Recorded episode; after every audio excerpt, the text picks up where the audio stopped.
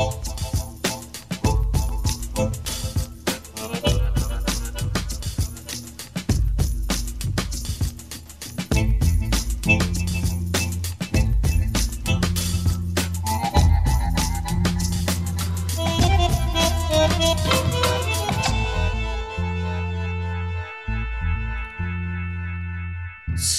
Stvari koje su se desile u svetu, koje su na neki način e, skoro tektonski poremeće, imaju zajedničku nit, ili se makar nama čini, a ta zajednička nit je populizam. E sad, jedan od većih problema koji smo imali sve vreme dok smo pratili te vesti jeste što uh, nismo imali nikakvu teoriju populizma ili nekakve koherentnije kriterijume na osnovu kojih bismo mogli da zaključimo da li je zaista određena politička snaga ili određena politička partija populistička ili nije, nego smo ih krstili raznim terminima, pa onda kažemo nedemokratski, pa nedavno demokratski, pa neliberalni, pa autokratski, pa na kraju krajeva i, i taj izraz koji koristi Ivan Krasteva, to je više patijska kleptokratija. Naš današnji gost, dakle profesor Jan Werner Miller, profesor na političkih nauka na Princetonu, je prošle godine objavio knjigu Šta je populizam, koja je postala skoro nezaobilazna referenca ne samo u teorijskim radovima, nego i u dnevnim i nedeljnim komentarima određenih političkih e, događaja. Ova knjiga je, kao što znate, početkom ove godine, zahvaljujući Fabrici knjiga i zahvaljujući Dejanu Iliću, prevedena i na srpski jezik. Sa nama je večeras i gospođa Vesna Pešić, sociološkinja, koja je svoje naučno znanje i svoje političko iskustvo koristi da nam tekstovima koje piše za Peščanik e, pomogne da shvatimo neke dubinske procese koje se dešavaju u Srbiji, a koje su, kao što i sami znate, zatrpani buncanjima najnovijeg srpskog e, lidera. Tu je e, naša omiljena istoričarka Dobravka Stojanović, koja ne dozvoljava da se priča o populizmu završi na granicama Austrije ili Mađarske, nego je napisala jednu knjigu koja će do kraja godine biti objavljena u izdanju Peščanika, zovemo je populizam na srpski način. Predlažem da ovaj razgovor počnemo tako što će Dejan Ilić da razgovara sa profesorom Millerom, možda na samom početku da pojasnimo taj termin populizma, kako ga profesor Miller razume, o njegovim neizostavnim ili osnovnim karakteristikama i naravno o nekim konkretnim manifestacijama koje on najviše pratio u poslednje vreme. Profesor Miller je objavio, dakle rekla je Svetlana, tri knjige smo objavili njegove ovde, znači Ustavni patriotizam, ospravljanje demokratije, šta je populizam. Pored toga je još napisao i radove o Karlu Schmidtu i napisao je, pisao je i o borbenoj demokratiji ili militantnoj demokratiji. I ako pogledate šta je to što vezuje ova njegova dela, vidjet ćete da je tu uvijek pitanje demokratije, pitanje šta su to pretnje demokratiji i pitanje koja su to sredstva koje demokratija može da koristi da bi se od tih pretnji odbranila. U najmanje dve od ove tri knjige koje smo mi objavili, dakle to je knjiga Ustavni patriotizam i šta je populizam, pored toga što se jeli, objašnjavaju ti pojmovi koji su u naslovu ovih knjiga, daju se nekakva upustva šta bi ljudi koji se bave politikom trebali da urade da bi sačuvali demokratske poredke, da bi ih odbranili od ljudi koji nasrću na takve poredke.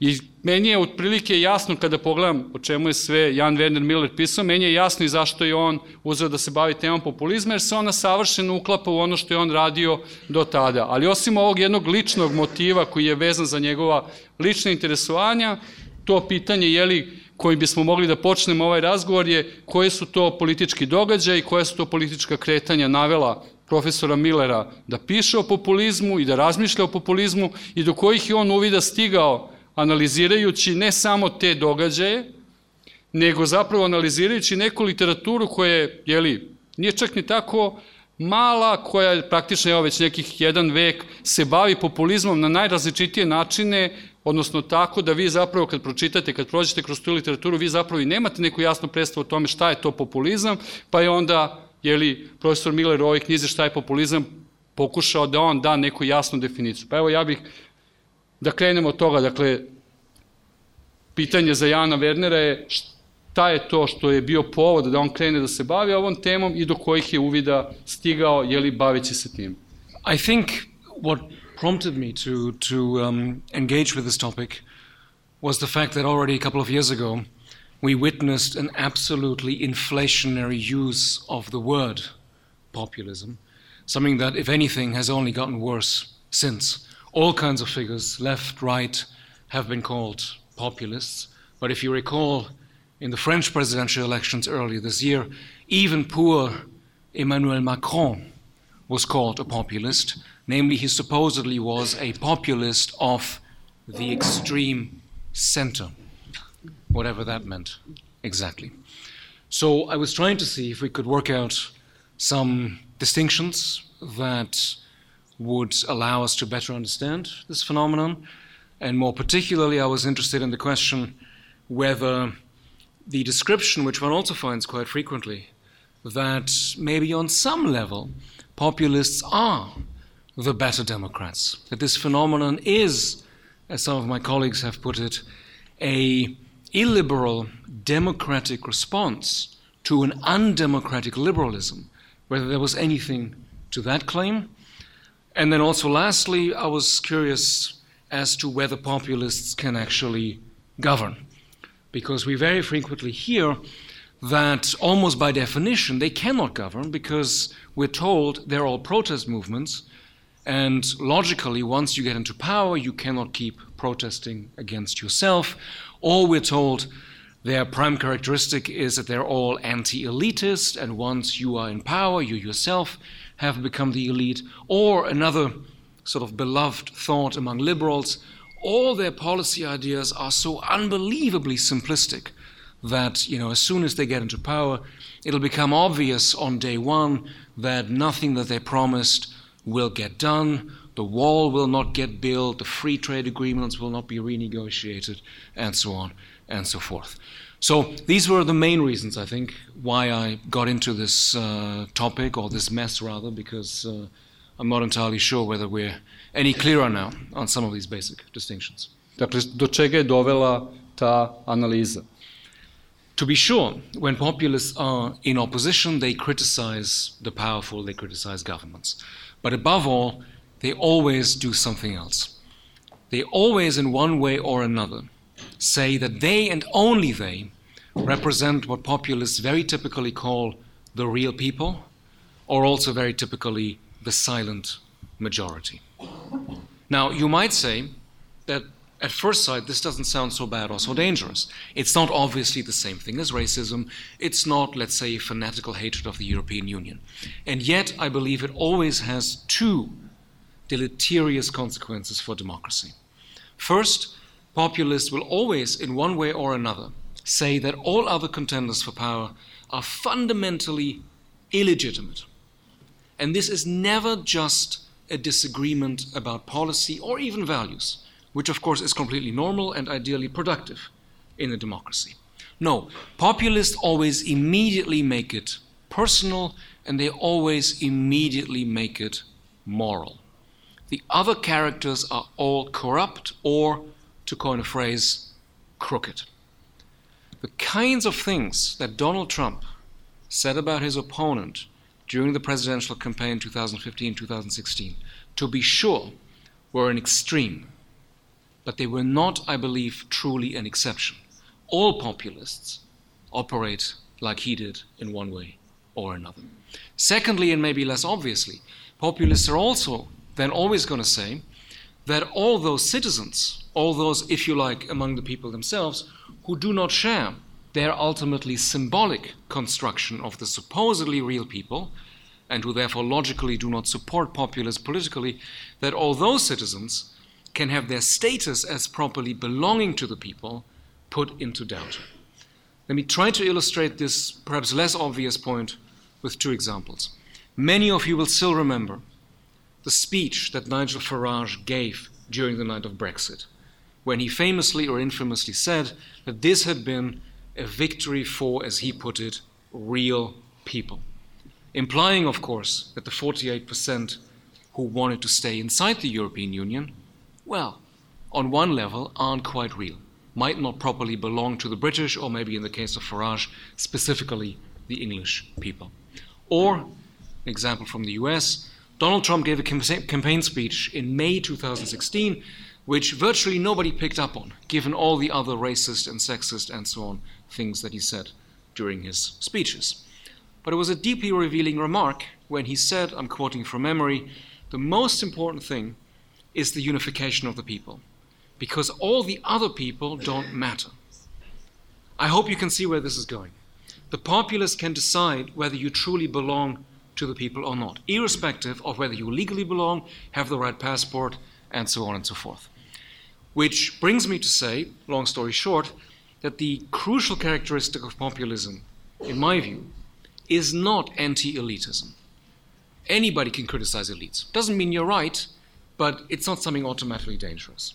The crucial characteristic is anti pluralism. I would say that even when populists don't gain power, even then, their kind of talk has a potentially damaging effect on a democratic political culture.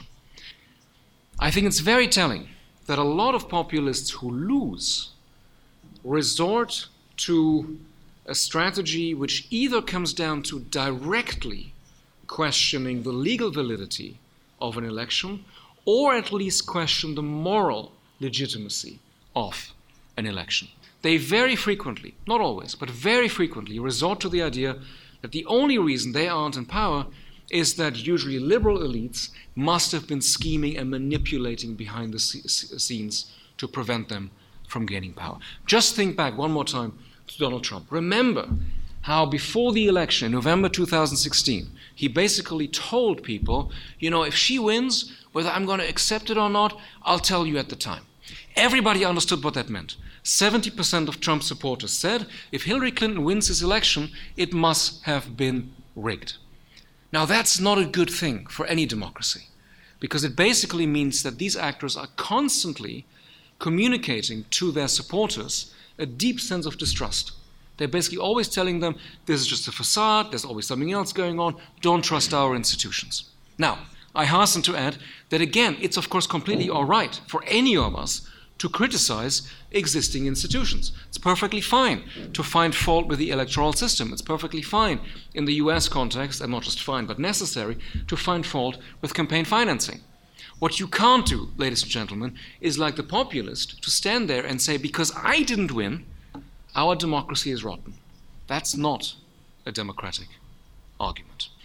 You remember Viktor Orban's so called national consultation in October 2016 where he put to the Hungarian people the question whether Brussels could settle migrants in Hungary without the consent of the Hungarian parliament.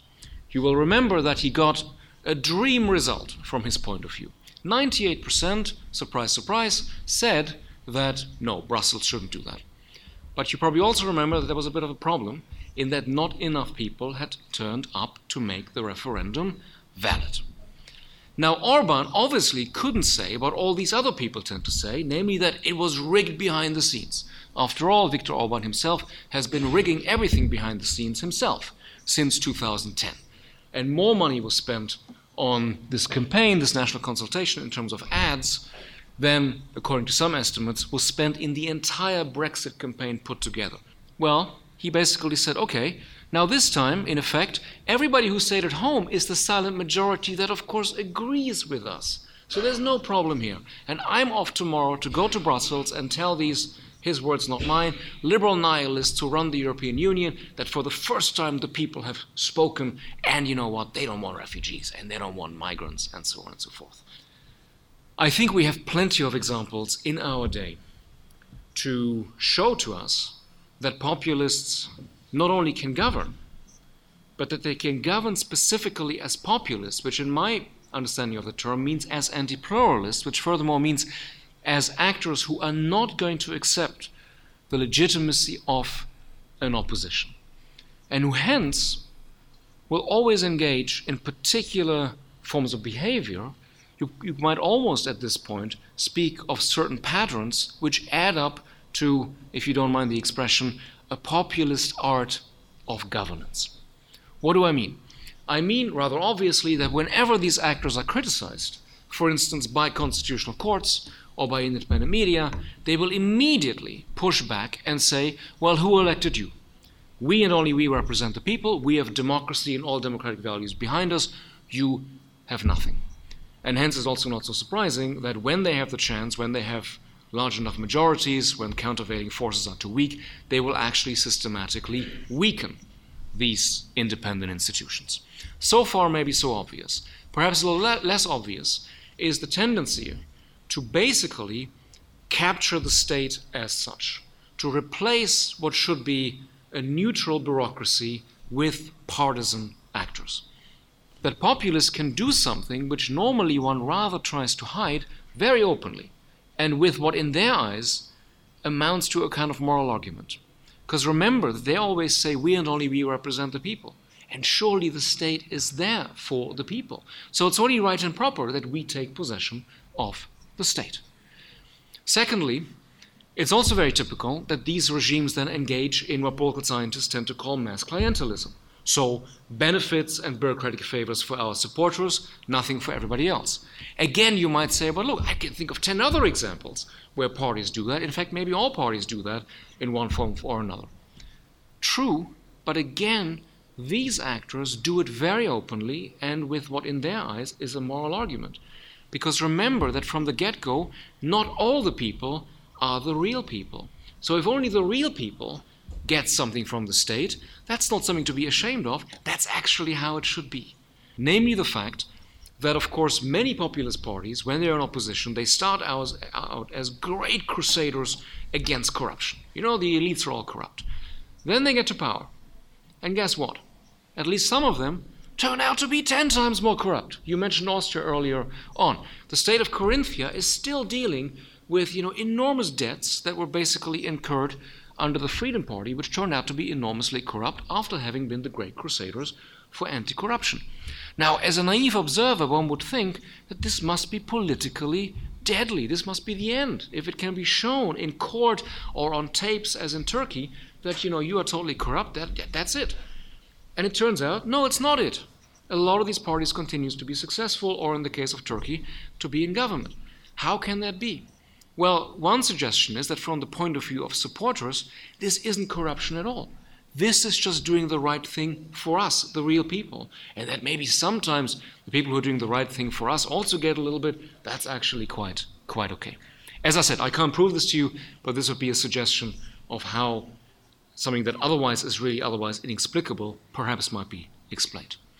Last point, if I, if I may and this will not, I think, surprise you in the least, it's also typical that when there is protest against these populist regimes, it becomes morally and symbolically extremely important for them comprehensively to discredit that protest, even if it's no real political threat to those in power. Why?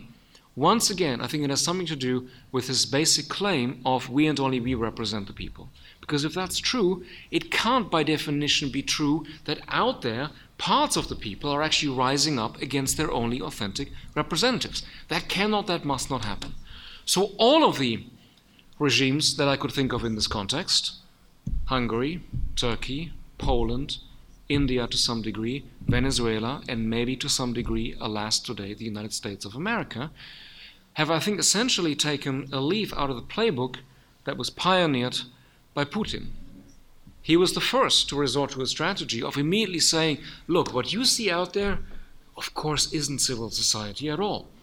It's all paid for and manipulated by somebody on the outside. And there's the usual cast of characters who's then responsible the CIA, George Soros, but there are no limits to creativity of what you can say in these contexts. Many of you will, rem- will remember that during the Gezi Park protests in Istanbul, the Turkish government very quickly came out uh, with the revelation that, of course, these weren't, you know, really concerned Turkish citizens out there. No, this had all been organized by, obviously, Lufthansa, the German airline, which was afraid of increased competition from Turkish airlines after the new airport in Istanbul had opened, and so on and so forth. I think one thing that maybe we should be more conscious of, and that's something that I feel I've only really understood since maybe since writing the book, is that a lot of these regimes also have become much more sophisticated when it comes to basically incorporating protest into their own narratives. So, in one way or the other, they all wage a form of culture war. They all basically say these people don't belong, and here's the real people.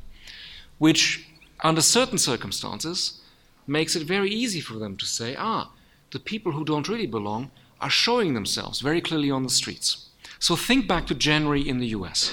Millions of people on both coasts, and sometimes also in between, out on the streets protesting the so called Muslim travel ban. It's obviously a good thing that they went out and protested. But one can easily imagine Stephen Bannon at that time sitting in the White House saying, Bingo, very good that all these homeland hating, homeland betraying, liberal, really un American elites came out and showed themselves. Because if something really bad happens, we know who to blame. Or, if I may think back one more time to Orban. Remember all these protests against the possible closure of Central European University in April. What did the government say in response? In effect, they said, ah, we finally pulled the Soros network out into the open. It's more people than we thought. But of course, it's still a tiny, liberal, ultimately un Hungarian, un Hungarian minority. I'm not saying, God forbid, therefore we shouldn't protest. Not at all. But I think one has to realize that maybe under certain circumstances, protest in and of itself is not enough, that even very large numbers of protesters might not be enough if the other side has succeeded in controlling the narrative very effectively. I think that's, that maybe gets us to the whole question of what is to be done, how could one develop counter strategies.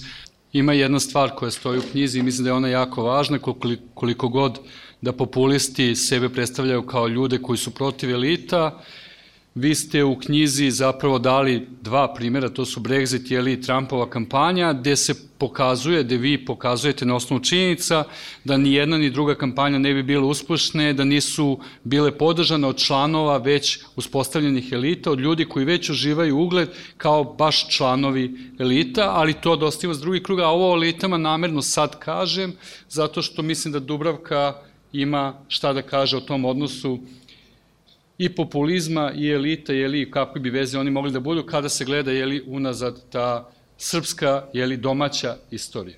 Hvala svima koji su ovo organizovali, naravno profesoru Milleru koji je došao u Beograd zbog ovog e, večeras. E, hvala pre svega zbog toga što e, se danas čini da populizam znači apsolutno sve, a drugim rečima bismo mogli da kažemo da on ne znači apsolutno više ništa i da možemo da ga razvučemo od levice do desnice, da možemo da ga razvučemo od 19. veka do danas, od Putina do Trumpa i da samim tim se on isprazni od smisla, a mislim da je za nas ovde u ovoj političkoj situaciji sa Aleksandrom Vučićem kao predsednikom vrlo važno da definišemo šta tačno mislimo kad kažemo populizam, pre svega da bismo postavili tačnu diagnozu i da bismo onda znali šta bi trebalo da radimo. Ova knjiga profesora Millera uh, jeste svetski hit.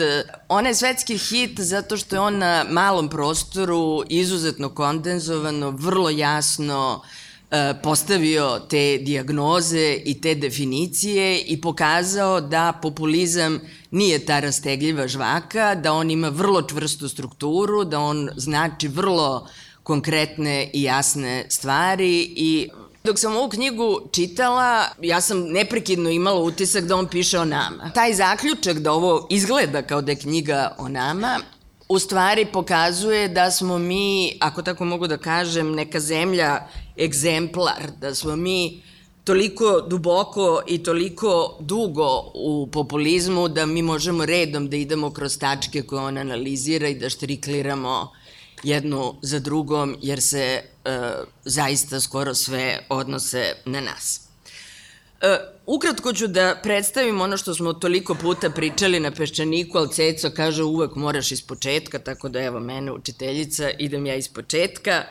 Da podsjetim na, na taj kratki istorijat na kome posebno insistira Latinka Perović, ona ga je u krajnjoj liniji i otkrila kao kontinuitet u našoj istoriji pokazujući da ovde prvi populizam je u stvari populizam Svetozara Markovića, da je taj njegov narodnjački socijalizam imao već te prve osobine koje možemo da nađemo i u knjizi profesora Millera, gde je jedna od najvažnijih osobina ideja o preskakanju istorije, o ubrzanju istorije, o preskakanju neophodnih faza – odnosno gde po Svetozaru Markoviću Srbija treba direktno iz zadruge da pređe u komunizam, preskoči kapitalizam i na taj način ubrza istoriju.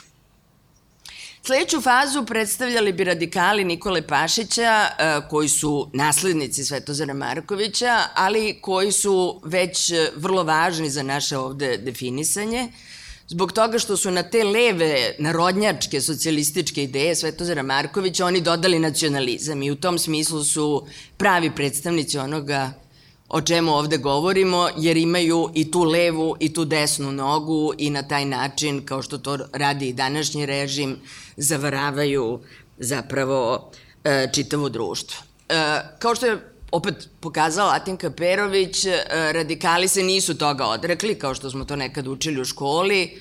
To je ostalo na vlasti zajedno s njima, oni su, volim to da podvučem, na vlasti bili 50 godina, Dakle, do Pašićeve smrti 26. pa onda i dalje. Prema tome, obojili su i Srbiju pre Prvog svetskog rata i međuratnu Jugoslaviju. Onda se taj populizam prebacivao u tokom 30. godina sve više u desno, pa ga onda nalazimo kod Nikolaja Velimirovića, pa ga onda nalazimo kod Ljotića, pa ga nalazimo kod Nedića. Prema tome, vidi se odavde kako je on mogao i kako on ima taj kapacitet da pokriva i levi i desni blok.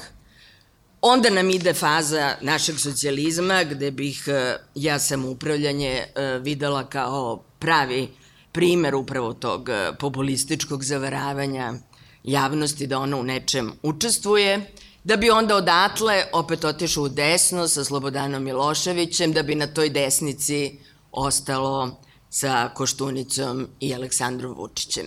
Na ovaj način sam sublimirala jedno 150 godina kontinuiteta, pokazala da on postoji i pomera se s leva na desno, ali što je za Srbiju važno i mislim da je zato jedinstvena, da je on skoro svo to vreme bio na vlasti. Mislim da je u tome Srbija jedinstven slučaj i zbog toga će ova knjiga za koju sam zahvalna Peščaniku da će da objavi tu moju knjigu. Ona ima podnaslov ili već vidjet ćemo šta, da je Srbija avangarda populizma i da je to nešto o čemu mi vas možemo da naučimo. Ja bih sad krenula uh, po ovim tezama profesora Millera i po tome šta on uh, smatra osnovnim osobinama i pokazivala bih to na primerima iz naše istorije. Počela bih od ovoga što on više puta ponovio, a to je da populisti e, sebe predstavljaju kao one koji govore u ime celog naroda. I to je ono što je Slobodan Milošević, ako se sećate, zvao 104%. E, dakle, nije ni 100%, nego je 104%. Dakle, njemu treba čak i više od, od uopšte onoga što je moguće. To je ključna osobina. Dakle, on govori u ime celog naroda ili u ime pravog naroda. Kasnije ćemo onima koji nisu pravi narod. E, otprilike mi ovde jer to nosi zapravo jednu od glavnih osobina tog političkog poredka i tih političkih ideja, a to je kolektivizam. Dakle, on govori u ime tog kolektiva i u ime tog kolektiva on melje svakog pojedinca, svaku društvenu grupu, svaki pojedinačni interes, svaki pojedinačni identitet, on ne sme da postoji u takvom društvu. I time dolazimo do ove važne tačke koju je već pomenuta, da je antipluralizam zapravo e, ključna osobina svakog populizma, antipluralizam koji isključuje mogućnost da vi mislite drugačije, što je naravno onda osnova i za autoritarni i totalitarni poredak. Govorio je sada profesor Miller o tome šta je s tim koji nisu pravi narod. E, naravno, kod nas postoji ta jednostavna formulacija izdajnici i strani plaćenici. E, toga imamo Takođe u kontinuitetu od 19. veka e, imali smo mnoge primere austrijski izmećari i tako dalje, imamo mnogo načina na koje se to nekada zvalo, ali ono što mislim da je tu važno da se kaže, to nije samo etiketa, to nije samo uvreda za tog političkog protivnika, to izražava suštinu. Jer oni stvarno ne mogu da veruju da ima neko ko bi svoje čistog mozga i razuma mogao da misli drugčije. Kako to uopšte moguće?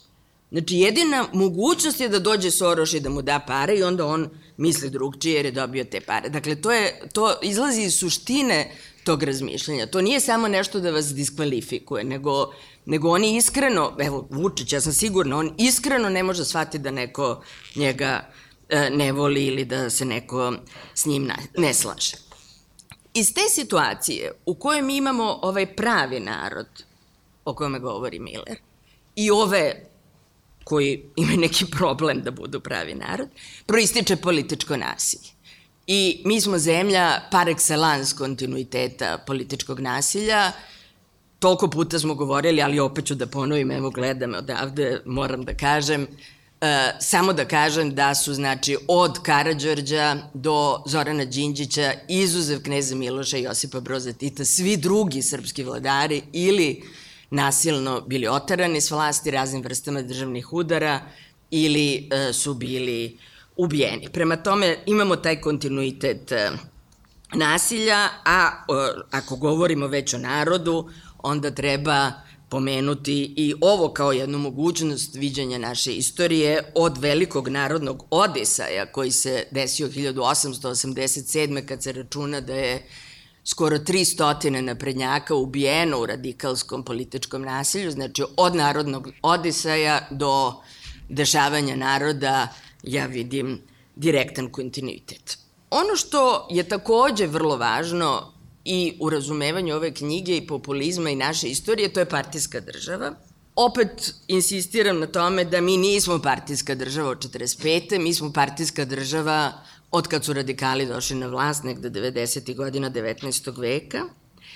I partije, političke partije se u takvim društvima i takvim državama razlikuju od onoga što su one u razvijenim demokratijama. One ne predstavljaju pojedince, ne predstavljaju određene grupe društvene ili interesne grupe, one predstavljaju čitav narod. Dakle, ta vladajuća stranka sebe izjednačava sa celim narodom. Evo mogu da pročitam šta radikali uh, u 19. veku o sebi pišu, kako oni sebe vide. Kaže, mi smo usisali ceo narod i napravili neraskidivu vezu između njega i države. Velika radi, narodna radikalna stranka koju narod ne odvaja od svog imena ili radikalnoj stranci, bolje rečeno, srpskom narodu. Dakle, oni sebe izjednačavaju upravo zato što oni predstavljaju čitav narod. Oni stavljaju znak jednakosti između sebe, naroda i države, čime država postaje partijska država, čime u toj državi onda više nisu važne ni zakoni, ni institucije, ni ustave, na kraju ću doći na to, već interes te partije koja vlada. Čim imamo partijsku državu, imamo vođu, ne treba da govorim o kontinuitetu e, naših vođa, međutim pomenuću nešto što me, e, naglasam se nasmjela čitajući knjigu, gde e, profesor Miller navodi indijski slučaj i kaže da jedna od omiljenih parola u vreme Indira Gandhi bila Indira je Indija. I mislim da ne treba da vam spocećam na uh, mi smo Titovi, Tito je naš, ali da moram da vas podsjećam da je Pašićeva parola na zborovima bila Pašić pripada nama, mi pripadamo Pašiću, o onoj izrazima ljubavi volim ja vas da ne govorim. Pomenuo je profesor Miller klijentelizam. Klijentelizam je neraskidivi deo partijske države i ovog, ove vrste partije. Jer klijentelizam, te veze, ta, to šta ćete vi postići kad uđete u partiju, kako ćete se vi školovati, dobiti stipendiju, preći na bolje radno mesto, preći u veći grad, preći u Beograd, doći na vlast. E, klijentelizam zamenjuje u stvari društvenu mobilnost, koje nema inače, i on sprečava društvenu mobilnost. Znači, vi ništa drugo i ne možete da postanete ako ne uđete u partiju. To je partija postaje društvo, ona je postala država, ali ona postaje i društvo, ona je zamena za društvo. Kroz partiju vi napredujete, a bez partije to nije moguće i samim tim vi dobijete tu negativnu selekciju, izjedeno društvo, ruinu od društva koje zapravo više ni nemate. Pomenuta je ovde ta važna e, diskusija koja se vodi među teoretičarima, da li je populizam samo jedna neliberalna demokratija. I mislim da profesor Miller u pravu kad kaže da nas to vodi na jako pogrešan put, jer bi smo onda mogli da zaključimo da je to ipak demokratija. I onda smo u velikom problemu ako to pomislimo. Suština populizma je da je on suprotnost demokratiji i to po svim svojim tačkama. On je suprotnost zato što umesto glasača, birača, pojedinaca i društvenih grupa, e, on zapravo vidi neku mističnu biološku masu, taj svoj narod ili taj svoj pravi narod – I suprotnost je demokratiji zato što on, e, kako neko kaže, kidnapuje institucije. Znači, on ih potpuno sebi podredi. I to je ono što je fenomen o kome smo često govorili u vreme Miloševića, jednako možemo da govorimo i sada, ko u stvari je sve jedno, može da ostane sve isto, može da ostane ustav, može da ostanu izbori, možemo na tri meseca da imamo izbore. Sve institucije mogu da budu tu ali su one zapravo popunjene jednim sadržajem koji je suštinski antidemokratski, koji ruši sve te procedure, sve te institucije i sve te zakone koji mogu biti i najbolji. Populizam je neka vrsta i ideološke prevare, da tako kažem, jer on se, uh, njegova ključna reč je anti, on je protiv elita, protiv kapitalizma, on je protiv liberalizma, on je protiv individualizma, on je protiv uh, antimodernizacijski, antizapadni, antievropski. Znači, on se stalno predstavlja kao neka pobuna. A on je zapravo suštinski sve suprotno od pobune i on je jedan vrlo čvrst, autoritaran sistem koji podhranjuje dalje i elitu i sve ovo protiv čega se on to bože uh, buni. Uh, sad bi samo na, za kraj rekla nešto što mi se vrlo dopalo kao citati. Jedan citat je Bru Bakerov gde je on rekao da je demokratija komplikovana, a populizam jednostavan. I mislim da je to nešto gde možemo odmah da ga prepoznamo. A onda bi na to dodala nešto što Ivan Krastev u svom tekstu rekao, a to je da je, kad je sadašnjost jednostavna, budućnost komplikovana. Čitajući tu literaturu, a naročito čitajući knjigu profesora Millera, koji je u tom pogledu bio veoma precizan, znači tu više nema nikakve dileme, jer on je sebi kao zadatak stavio i kazao da li može da se napravi nekakva teorija populizma? Da li možemo tačno da kažemo koji su to kriterijumi za koga možemo da kažemo da jeste populista, a za koga možemo da kažemo da nije populista. Znači, e, on je pokušao da od te šume šta je to populizam, koja u stvari nije ni malo nova pojava, imate e, taj radikalni agrarni pokret u Sjedinim državama još u 19. veku, imate na kraju krajeva a, a, populističke pokrete 30. godina i fašistički i, i, i nacistički, znači nije to nekakva nova pojava, a našto kad govorimo o Južnoj Americi, gotovo svaki njihov političar je populista zato što ide da onu takozvanu redistribuciju i uvek će da predloži borba protiv korupcije, borba protiv siromaštva i populista obećava da će neke pare siromašnima. E, pošto su očajni, pošto je marginalizacija u takvim društvima ogromna i dostiže otprilike 80%, ja sam imala prilike da to gledam i svojim očima kad sam bila ambasador u Meksiku i pokrivala centralnoameričke države, mogla sam da vidi da je dovoljno da dođe neko ko je pre toga ubio i dva čoveka, Portillo recimo, njemu je rasla, ovo što kaže profesor, njemu je rastao rating kad je otkriveno da je u Meksiku ubio dva čoveka. Znači, ni malo mu nije to spustilo njegov kredibilitet, on je izabran.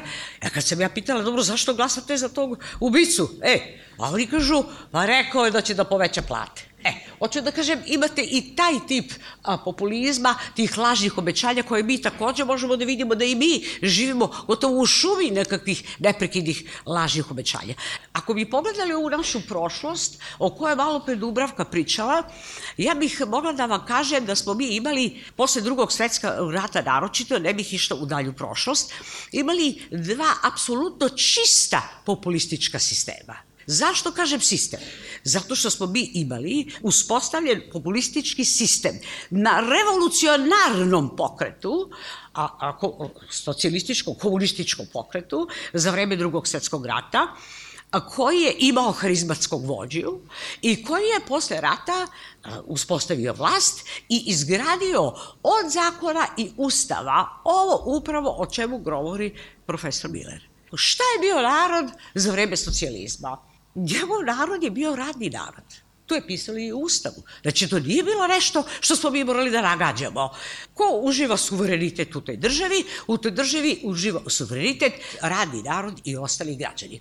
Radni narod predstavlja jedna, ko je pravi narod, ovaj drugi narod jeste nekakav narod, ali nije pravi, taj pravi narod predstavlja jedna jedina partija, kao avangarda koja vodi taj narod ka u jednom budućem idealnom društvu koja se zvao komunističko društvo.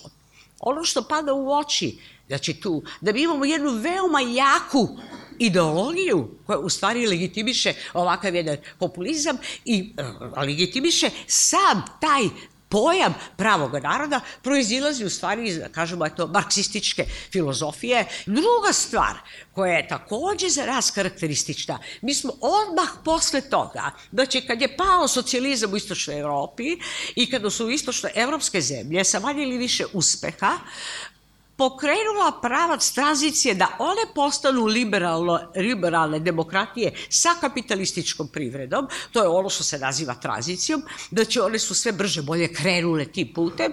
Srbija nije krenula tim putem. Ona se ponovo oslovila na jednu ogromnu i najsnažniju, možda i najopasniju ideologiju, a to je na nacionalističku ideologiju. Samo na Kosovu, kad je izbila revolucija, pobuda 81. godine, kada su Albanci krenuli da traže u stvari Republiku Kosovo, dok je još uvek važila socijalistička ideologija, to se zvalo kontrarevolucijom. Od jedaren, sredinom 80. godina, došao je jedan novi talas koji to više nije zvao kontrarevolucijom, znači u socijalističkom stilu, revolucija i kontrarevolucija, nego je nazvao etničkom pretnjom. Znači, od jedaren mi sad prelazimo od jednog klasnog populizma koje smo imali pre toga, mi sad dolazimo na drugi kolektivitet, a to je nacija. Znači, od radnog čoveka mi smo prekršteni u Srbe. Znači, Srbi su pravi narod, a svi koji nisu Srbi mogu da budu ubijeni, mogu da budu proterani, mogu da budu kažnjeni, mogu da... Znači, a ako staneš na jednu univerzalniju poziciju, kažeš pa mi smo svi ljudi, znači nećemo da se delimo po toj osnovi, ti postaješ unutrašnji izdajnik. Znači, a, to je bio glavni kriterijum i naravno, to je takođe bila jedna nacionalistička revolucija. Olaj ko je tu stariji, hoće da se seća te ogromne mobilizacije koja da tada postojala u Srbiji, čak se je na kraju krajeva izvalo antibirokratska revolucija, a Milošević, koji je bio vođa te revolucije, preko tajnih državnih službi je rušio komunističku elitu koju je smatrao prevaziđenom i antisrpskom i koja je kriva komunistička elita, pa čak i antifašizam i celokupna ta naša partizanska prošlost je kriva što su Srbi došli u tako strašan položaj da nemaju državu i da su oni praktično sve izgubili zahvaljujući komunizmu. Tako da mi smo sad postali Srbi, komunici su naši neprijatelji, mi ćemo sada u stvari, ono što je Dubravka više puta rekla, prelazimo u stvari na stranu gubitnika drugog svetskog rata Vidite mitinge, ogromnu mobilizaciju ljude, vidite četnike sa onim znakova i celo to prevrednovanje koje je tada trajalo. Ta ogromna mobilizacija se završila u najstrašnijim ratovima, u, jednoj apsolutnoj kataklizmi koja je uništila i našu ekonomiju a, i donala jednu ogromnu štetu i na kraju se to završilo kao što znate bombardovanjem NATO. Oba ta tipa populizma je bila zasnovana na velikim ideologijama i znalo se ko je narod, ko je protivnik naroda, a uvek je zapisivan i ustav. Ako pogledate naš današnji ustav, vi ćete da vidite ko raspolaže suverenitetom. Srbija je država srpskog naroda i ostalih građana. Samo umesto ono radi narod, promenjeno je u srpski narod. I to je ona rasprava koja postoji između onih koji kažu mi smo građanska opozicija, odnosno ili politička pozicija i nacionalna pozicija.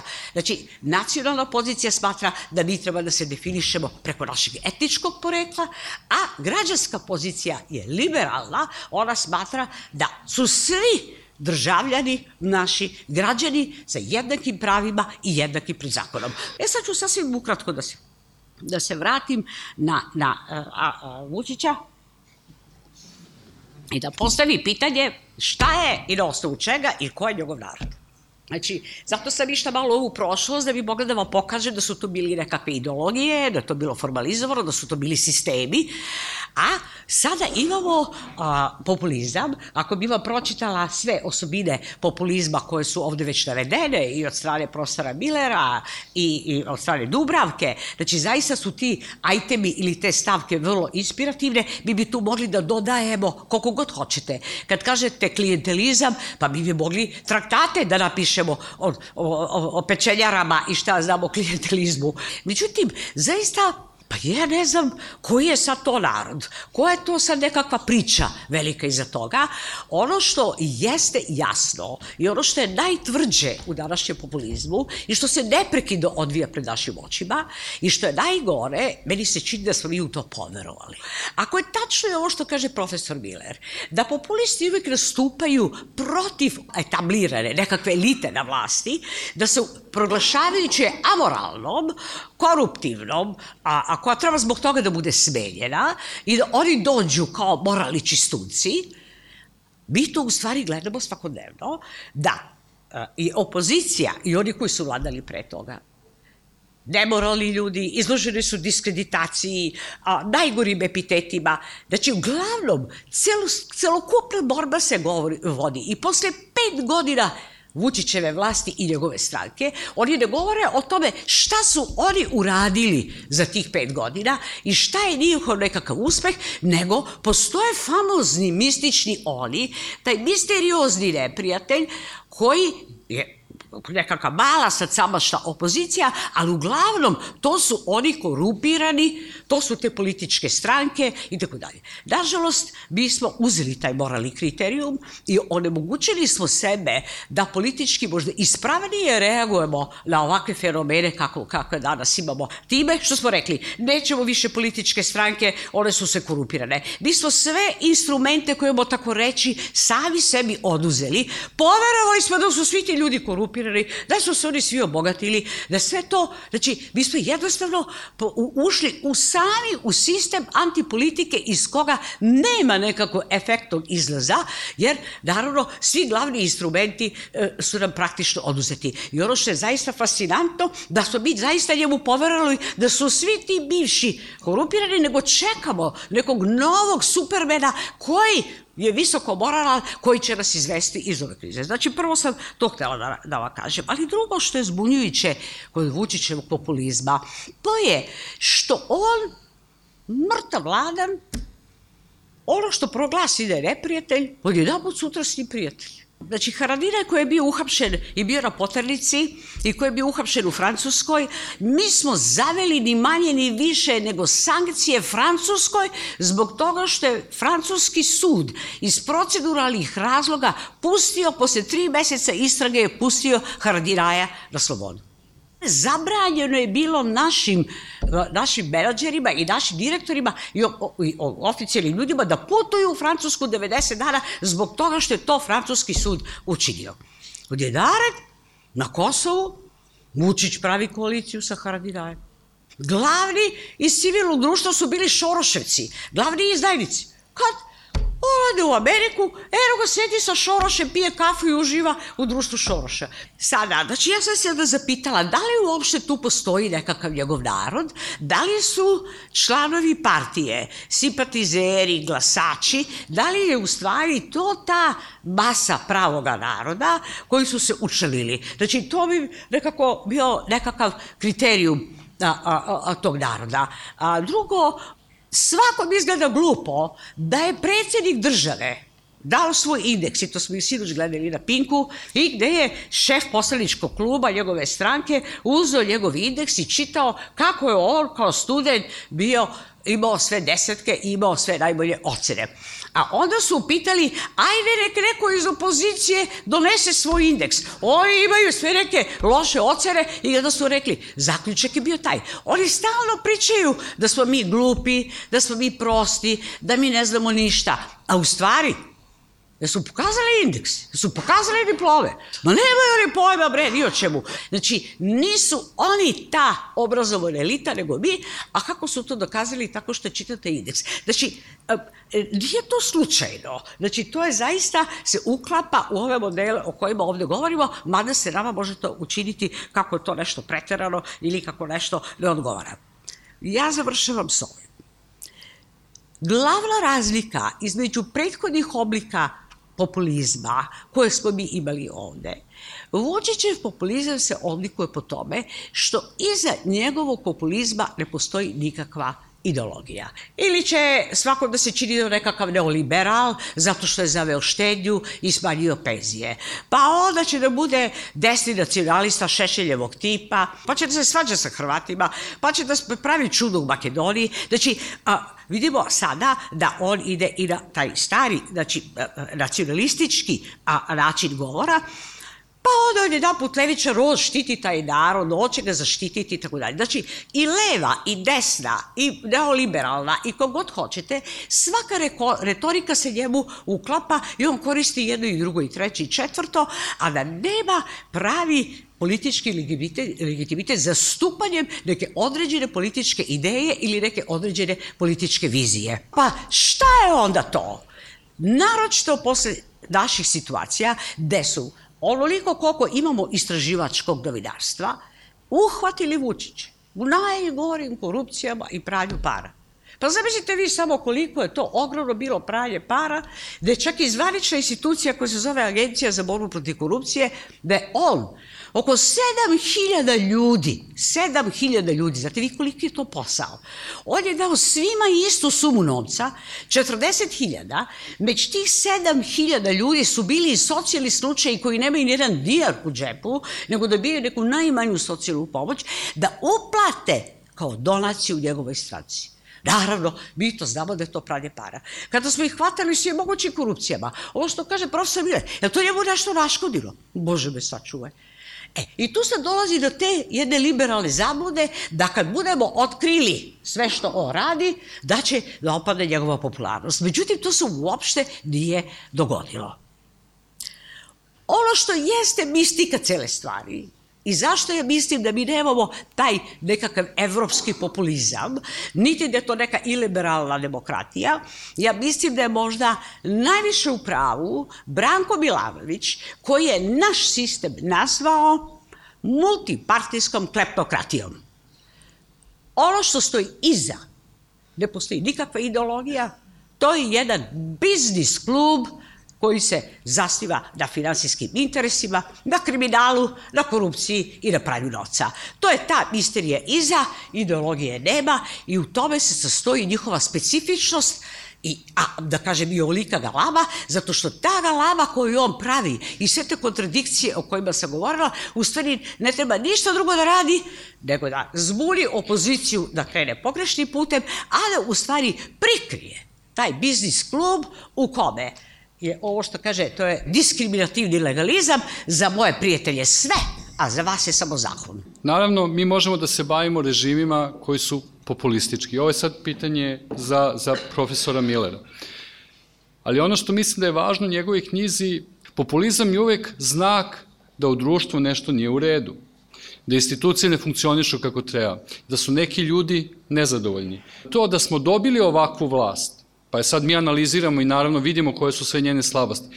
Ali to da je ona takva kakva je uspela da dođe na vlast, to govori da u, ne, u društvu nešto i pre toga nije bilo kako treba. Kada, jeli, profesor Miller piše u svojoj knjizi, a šta mi da radimo sa populizmom, šta mi da radimo sa onim što je Vesna Pešić ovako upečatljivo opisala i što je nama manje više svima jasno da tu nema ni nikakve doslednosti. Ja čak mislim da je potpuno pravo kada kaže da tu nema ni naroda, mi ne znamo šta je narod, osim članovi te stranke. Dakle, ali nije u tome stvar, to mislim da je, ne, naravno da je i u tome stvar, ali nije samo u tome stvar, mislim da profesor Miller jako dobro skreće pažnju, ali ajde da vidimo šta to ljude navodi da u prvom makar krugu poklone poverenje takvim osobama i šta mi kao ljudi koje zanima politika možemo da uradimo da u nekom sledećem krugu ti ljudi promene svoje mišljenje i eventualno se odluče jeli, za druge opcije, a ne za tu. I think we have to be very careful not to assume that because we observe populist regimes Therefore, not the real people, but a substantial number of citizens really wants populism. That doesn't follow. Take two recent examples. Very often nowadays, there's a tendency, especially among liberals, to essentially blame the people and say that, you know, all right, so we have Orban and Kaczynski, for instance, but you know, that's what people, that's what people wanted, that's, you know, how these figures came to power. But there's a completely different reading of how they came to power. Rather than having this very often very patronizing attitude, especially among Western observers, uh, social scientists, Freedom House, you know, people saying, "Oh, our poor brothers and sisters in the East who didn't really understand democracy yet." Unfortunately, almost the opposite is true. That actually people did exactly what democratic theory tells them to do. So in Hungary by 2009, it was clear that the Socialist Party was seen as very corrupt, as mendacious, as very problematic in all kinds of ways. What do you do in a two party system? You vote for the other party. And of course, Orban in the 2010 election campaign did not say, hey, vote for me. I'm going to abolish the rule of law. I'm going to write my own constitution. I'm going to politicize the economy so that 500,000 people are going to leave the country and waitress in London instead, and so on. No, it was a completely normal campaign to a large degree, and people did what democratic theory told them to do. Kaczynski's party in 2015, you recall, was extremely careful to basically just say, you know, we're a conservative, family friendly party that wants to do something nice for people who have lots of kids, but don't worry, it's not going to be like the first time round, you know, when I went crazy. No, no, no, it's going to be completely harmless. There was no indication at that point. I mean, people may have suspected it, but it was, would have been very hard to, to predict that, okay, he's going to come to power and he's going to do something that has virtually never happened in post war European history, namely decapitate a constitutional court with enormous brutality. So, first of all, we shouldn't just blame the people and assume that, oh, people on some level really want this sort of stuff. It's not true.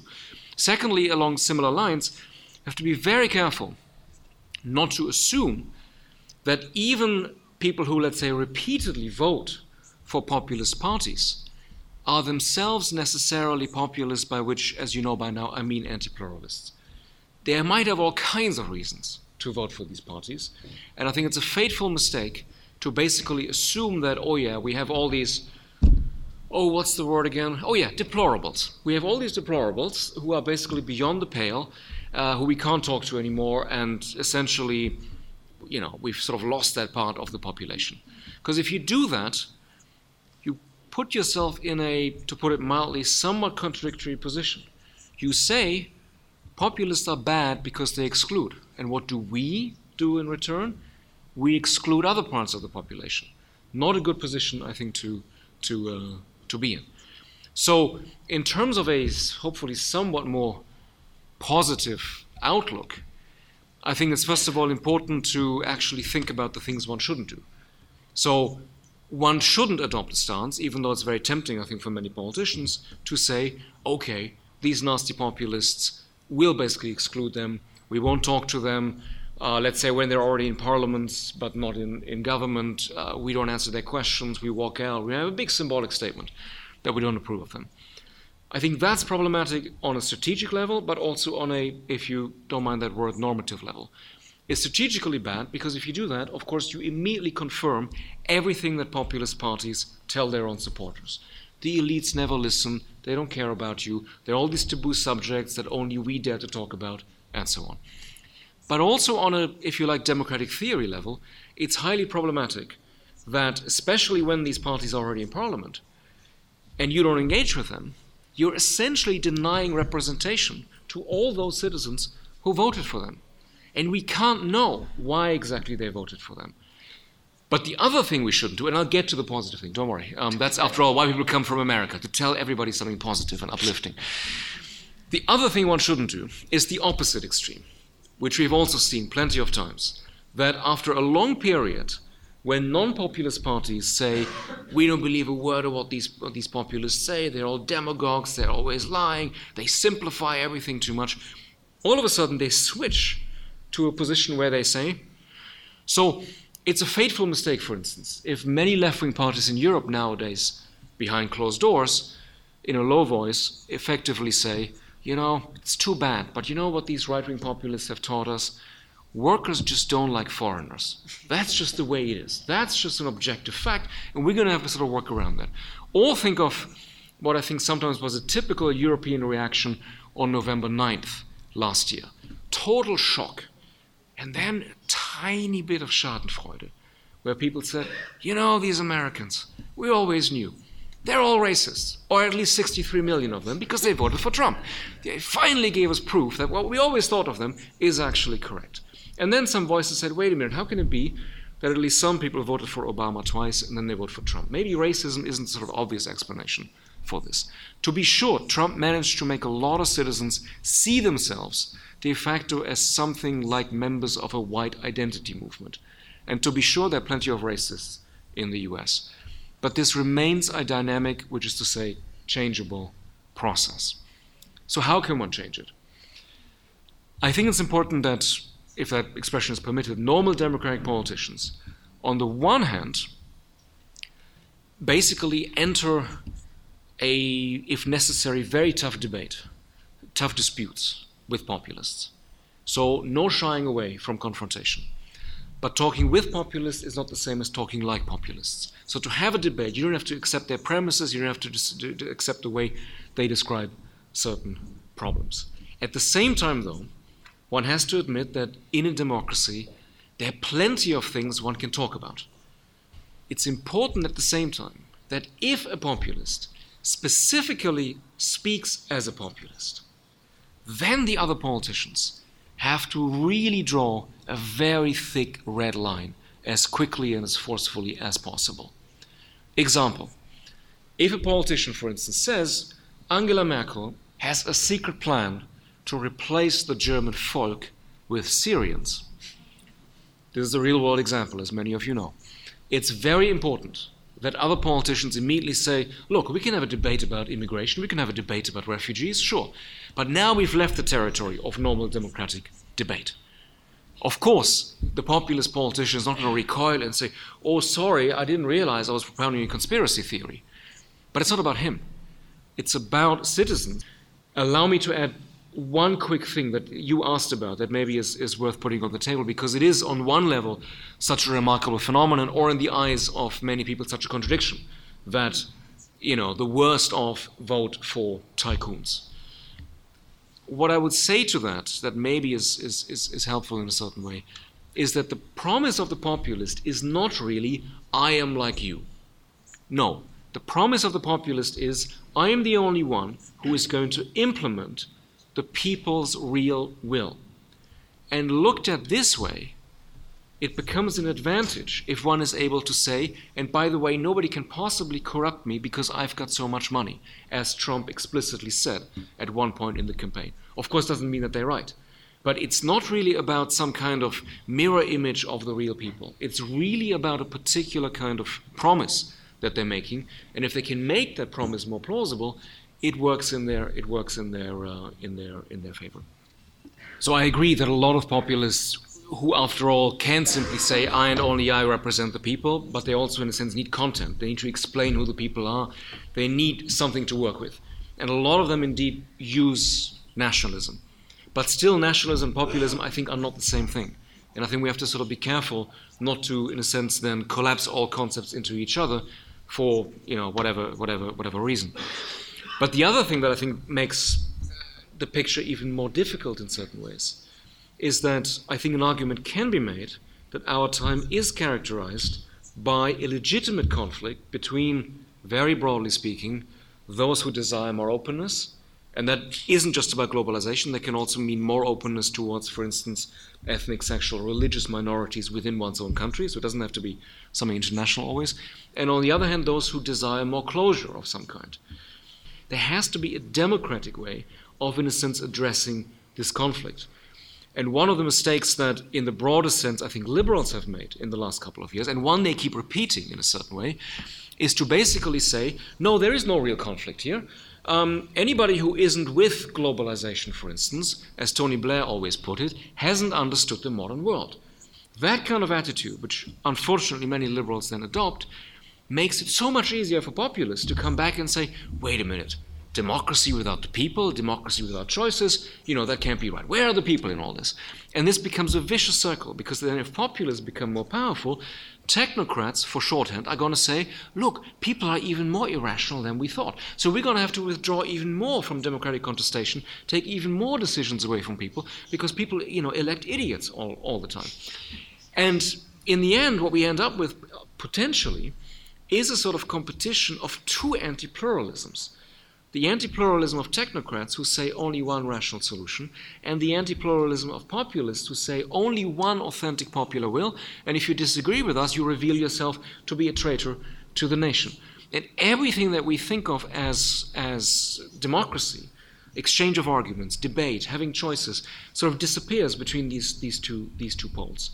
And if I may add one more, more, more sentence, I think the best antidote, if that's the right word, so far in these situations has been a reinvigoration of democratic conflict. An example, for instance, would be irrespective of what you think about the details and their particular program, a party like Podemos in Spain. You don't have to like what they say about the economy or, or, or whatever. But clearly, up until a certain point, it was very plausible to say, look, you know, what is Spanish democracy? We have these two parties which have become very similar. Whatever you vote for, outcome always seems very seems very much the same. You know, this is post-democracy, to pick up Colin Crouch's famous famous term. What comes along? Young people who first demonstrate on the squares, then they decide to form a party, then they contest an election, then they lose, and then they go home again. And all of this is not obvious. First of all, one only needs to vaguely remember the 1970s in Western Europe to remember that, well, young people who really have a problem with the system also already at certain points had other ideas what they could possibly do other than found parties and dutifully contest elections. But the fact that the party manages to mobilize, especially a lot of young educated people, brings them back into the system, gets them back to the polls after they'd basically said bye bye to the political system, and then miraculously, the most miraculous thing of all, accepts defeat and says, okay, we'll try again next time. None of this is obvious. But all of a sudden, there's a sense that, okay, there are actually choices in this, in this system. And then it's really the last thing I'll say. Then it's particularly bad if representatives of the EU come along and say, oh, Podemos or Syriza or you know whoever it might be, that's you know bad populism, dangerous, dangerous. You know, don't vote for these people. When you know you don't have to like their program, but they're not populist, by which people like you know Herman van Rompuy and others basically mean anti-European, because they're not anti-European. They want a different Europe, which surely is you know not prohibited in the world in the world we live in. And as long as they live with the outcome, as long as they basically don't do what populists do, which is to say we don't accept the outcome of the procedures, we think there's always you know something something uh, by way of a conspiracy going on. As long as that happens, I think it's obviously a win for democracy. And in that sense, uh, I mean, as, as, again, as boring as it, as, as it might sound, uh, the best thing that can happen in many situations is if people do something very traditional. They get together, they found parties, because at least I don't believe that we have moved beyond the age of party politics. We don't live in a post representative world. We might never. And basically reinvigorate, or when they can, maybe completely transform democratic systems. So populism is not this sort of, you know, unbelievably new threat where, you know, oh, nobody knows what to do and nothing can be done, or as, you know, it's very often suggested to us, it's an unstoppable wave, or as Nigel Farage, for whom the wave was too small an image, put it, a tsunami that, you know, will wash away elites and establishments everywhere. No, things can be, things can be done. So here was your positive American style message for the evening.